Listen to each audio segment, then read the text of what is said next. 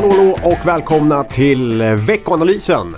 En ny podd med eh, mig Jocke Bornold, sparekonom på Söderberg Partners och med Mattias Gitzelt. Och du är chefstrateg. Jag jobbar på Söderberg Partners ansvarig för marknadsaktieanalys precis och eh, har varit där sedan 2007. Yes. Men det är första podden. Ja, härligt. Eh, första podden du lyssnar på också kan man säga. Faktiskt det också. en ny grej. Eh, varje vecka så har eh, eh, varje vecka har vi ett analysmöte kan man väl säga som du håller i här på Söderberg Partners. Där eh, all analys klumpas ner till en eh, veckoanalys som eh, vi går igenom alla rådgivare. Man får lyssna in till en telefonkonferens. Exakt, det är, det är ett par olika produkter vi gör, både internt och externt. Alltifrån stora strategirapporter till, ner till den här veckoanalysen. Som vi då också delger till vissa delar externt. Just det, och det här är poddvarianten kan man säga. Exakt. Eller vi plockar ut några godbitar ur den eh, telkon i alla fall och eh, skickar ut som podd. Och det tänkte vi göra varje vecka. Och eh, vi räknar med kanske 15 minuter lång. Det är väl bra, blir säkert lite olika varje gång. Ja, men någonstans där. Och eh, jag kommer prata ganska mycket aktier i podden och du kommer hålla fokus på makro. Exakt, lite mer makro och allmän marknadsstrategi. Lite grann. Yes, och vi försöker fånga upp det som har hänt under veckan och det som ska hända under veckan. Och eh, framförallt förklara lite också vad, vad alla de här grejerna innebär. Eh, är tanken i alla fall. Vi provar, ska vi göra det?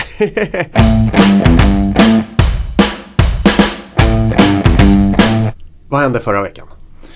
Förra veckan så var det ju fortsatt lite fokus på det som egentligen var veckan innan. Att långa räntor föll i USA mm. efter Fed-beskedet. Just att det. det som kallas för invertering av räntekurvan skedde. Och det här är ju ett väldigt knepigt begrepp. Eh, det det egentligen handlar om är ju att eh, långa räntor har fallit, korta räntor är kvar eftersom eh, Fed inte agerar så mycket.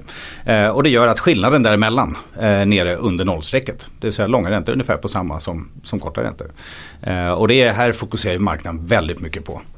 Och varför gör man det? Jo, det är för att de senaste sju recessionerna så har den här räntekurvan som den heter då inverterats. Det vill säga skillnaden har varit eh, eller har gått förbi nollstrecket. Eh, problemet är lite grann när vi ser på det. Det är ju att faktiskt börsen brukar fortsätta upp en ganska bra bit.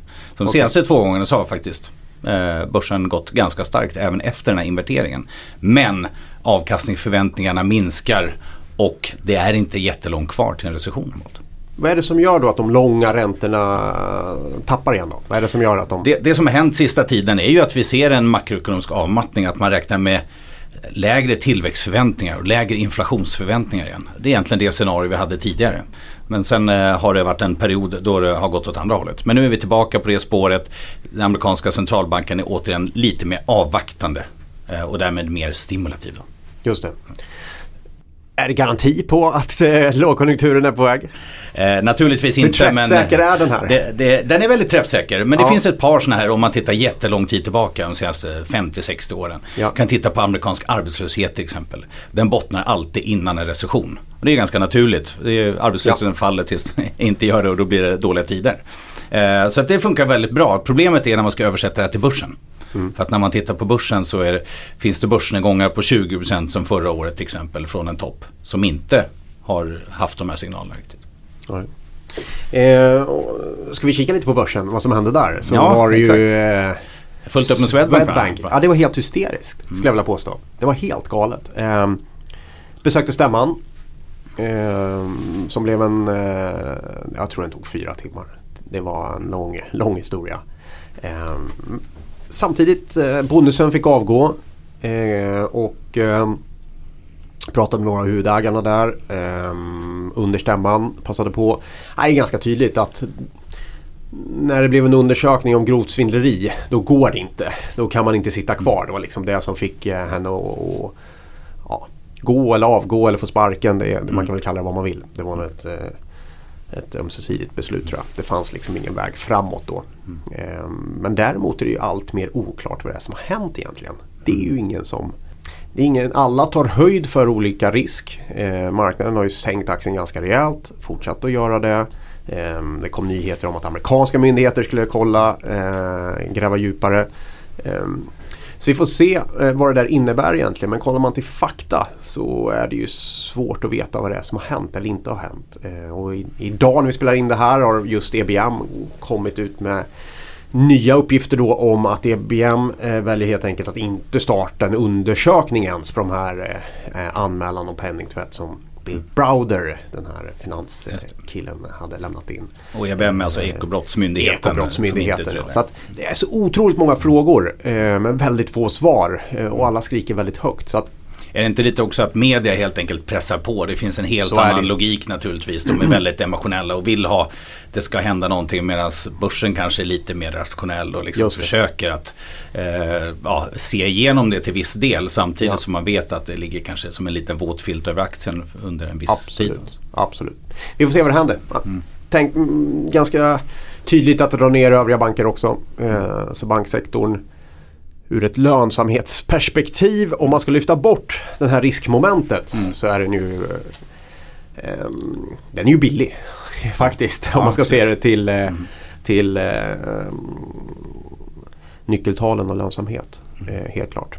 Men eh, den är ju billig på grund av riskpremien. Men är man beredd att ta den så, så ja, det ganska attraktivt ut. Faktiskt. Absolut, och det som om man ser ur mitt lite mer makroekonomiska perspektiv då skulle mm. tala emot mm. är ju då den här räntenedgången som återigen sker nu. Ja. Som ju då drabbar finanssektorn. Vi ser ju faktiskt även i USA till exempel så går finanssektorn sämre nu än, än den övriga börsen på grund av att räntor faller. Mm. Så det är på ena sidan väldigt attraktiva värderingen. Eh, inte minst kortsiktigt i Sverige. Eh, å andra sidan kanske ett par faktorer som, som talar emot då. Just det.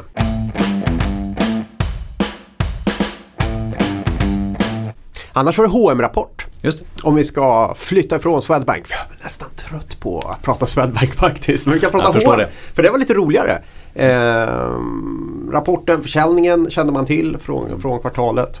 Eh, men eh, det är alltid fokus på marginalerna då förstås. Mm. Såg ganska bra ut. Eller i alla fall bättre ut än, än vad det gjort tidigare.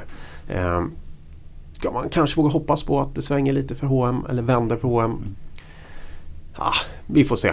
Men det var i alla fall eh, hyfsat positivt. Den gick ju upp väldigt mycket. Det kändes som en, kanske en kraftig överreaktion. Men, men, eh, ja, den är ju väldigt nedpressad. Och mm. Det är klart minsta signal om att kanske lagernivåerna kommer ner och det blir mindre reor. Så ja, det är då, så. då börjar aktien gå lite grann. Jajamän. Men där är ju faktiskt värderingen inte så attraktiv längre. På, utan där, där, det ser faktiskt inte så billigt ut även om själva aktiekursen Nej, har fallit. Så. Det gör det faktiskt mm. inte. Ehm, och rätt mycket kvar att bevisa. Mm. Eh, så vi får se vad som händer där. Utdelning fortsatt. Eh, eh, vi får se om det klubbas men det är ju en väldigt hög utdelning fortsatt i H&M. Se hur de tacklar det. Ehm, kollade lite grann på det faktiskt. Man pratar mycket om om familjen Persson ska köpa ut H&M eller inte. Tror jag inte på. för jag tror de tycker det är ganska trevligt att ha 100 000 aktieägare istället som, som inte har en gemensam röst mot ett alternativ där man har en part som man kanske få hjälp med att finansiera det hela. Så det tror jag inte på. Men fortsätter de att eh, hålla den här höga utdelningen så är det ju någonstans så att man ökar risken i H&M ökar belåningen i H&M eh, för att köpa tillbaks det. Det, det. det, är ganska smart. Man återinvesterar utdelningen hela tiden, håller den hög eh, och till slut så, så, så kan man köpa loss det. Så vi får se hur lång tid det tar. Absolut. En, eh, men eh, det återstår att se tror jag. I övrigt på börsen då? Eh, I fokus den här veckan är det fortsatt stämmor. Är det något speciellt att kika på? Volvo kommer. Extrautdelning i Volvo också. Eh, känns rimligt. Man skulle nästan kunna anta att med det kassaflödet som Volvo har nu så kan man fortsätta att göra det. Det är inte omöjligt med en sån eh, extrautdelning till nästa år. Mm. Um, och jag är lite för den typen av upplägg. Uh, där man gör extrautdelningar och man känner att det finns utrymme för det. Ehm, man behöver inte hela tiden höja utdelningen. Jag pratade lite grann om det i Svenska Dagbladet idag. H&M är ju nästan ett skräckexempel då på där man delar ut all vinst i princip. Ehm, men svenska bolag generellt tycker jag man, kan eh, anpassa utdelningsnivåerna lite mer än vad man gör. Man vill väldigt gärna hålla fast och inte sänka och så vidare. Det kan vara bättre att göra extrautdelningar därför också. Så vi får se. Men annars är det en ganska tråkig vecka. Jag hoppas det. Nej, inte på makrofronten. det är inte det? Nej, nej, nej det är aldrig tråkigt. Där? Vad ja, det är alltid spännande. uh, nej, men vi hade ju lite intressant uh, förra veckan med amerikansk konsumentförtroende, tyska IFO-index och så vidare som jag ja. tyckte var intressant. Kanske en liten botten i europeisk industri men ja, skulle jag säga för tidigt ändå att titta på. Och det blir väldigt intressant den här veckan. För då kommer mm. tyska industriorder som är ner ja. ordentligt under senaste året. Just det. Eh, så där hoppas vi att vi kan kanske se någon liten förbättring. Men det som ligger i fokus tycker jag, förutom då inköpschefsindex i USA, så har vi ju då på fredag sysselsättningsrapporten. Ja. Och eh, varför är det i fokus? Jo, det var ju då en väldigt dålig rapport förra gången. Mm. Eh, där kom det bara tillsatt, eller kom till 20 000 jobb. Efter att ha snittat en 150-200 000 jobb per månad tidigare. Ja. Eh, det har hänt några gånger tidigare de senaste åren att det kommer en riktigt dålig siffra. Ofta är det väderrelaterat och nu kanske man hänvisar då till mycket snö och så vidare som var här i februari. Eh, men den blir naturligtvis väldigt intressant. Men ser vi på vissa indikatorer som till exempel en delkomponent inom konsumentförtroendet där man då frågar folk finns det mycket jobb eller lite jobb ute? Mm. Så svarar folk nu att det finns mycket färre jobb än tidigare. Okay. Eh, och det här är naturligtvis otroligt intressant om sysselsättningen skulle komma in dåligt igen en andra gång och det blir ja. en trend och inte bara en engångssiffra. Eh, då blir det naturligtvis en risk för att en sämre arbetsmarknad och vad betyder en sämre arbetsmarknad? Ja, minskat konsumentförtroende, minskad förtroende för börsen och så vidare. Så att, eh, jag tycker absolut att det är en intressant eh, makrovecka. Mm, spännande. Det kom faktiskt statistik från Kina idag som var ganska mm. positiv. Eh, som var PMI-siffror va? Exakt, inköpschefsindex. Just det, och eh, det var länge sedan som de var så pass positiva? Ja, de var över det här 50-strecket och 50 mm. är den här nivån mellan kontraktion och expansion. Så är ja. det under 50 så väntas det bli sämre då. Eller, och är det över så är det bättre. Ja. Och det här kom precis in över 50 och förväntat var ju under 50. Så det blir liksom en viktig signal bara av det. Mm. Även om inte själva nivån i sig är särskilt hög. Den så, är inte så, så stark. naturligtvis viktigt. Alla väntar ju på att den här avmattningen minskar och att stimulanser i Kina ska bita och så vidare. Fanns det en rolig detalj där som jag såg och det var att tillverkningsindustrin eh, börjar anställa. Eh, söker personal första gången på fyra år i den mm. undersökningen. Så det, är några ljusglimtar kanske. Ja absolut, den består av en massa olika delkomponenter. Man får ju verkligen leta. Till exempel exportorderkomponenten har ju varit en siffra som varit väldigt, väldigt dålig i Kina. Mm. Eh, och det är ju naturligtvis, skulle man se minsta lilla förbättring där så kommer ju alla tolka det som mer positivt. Har vi bottnat då?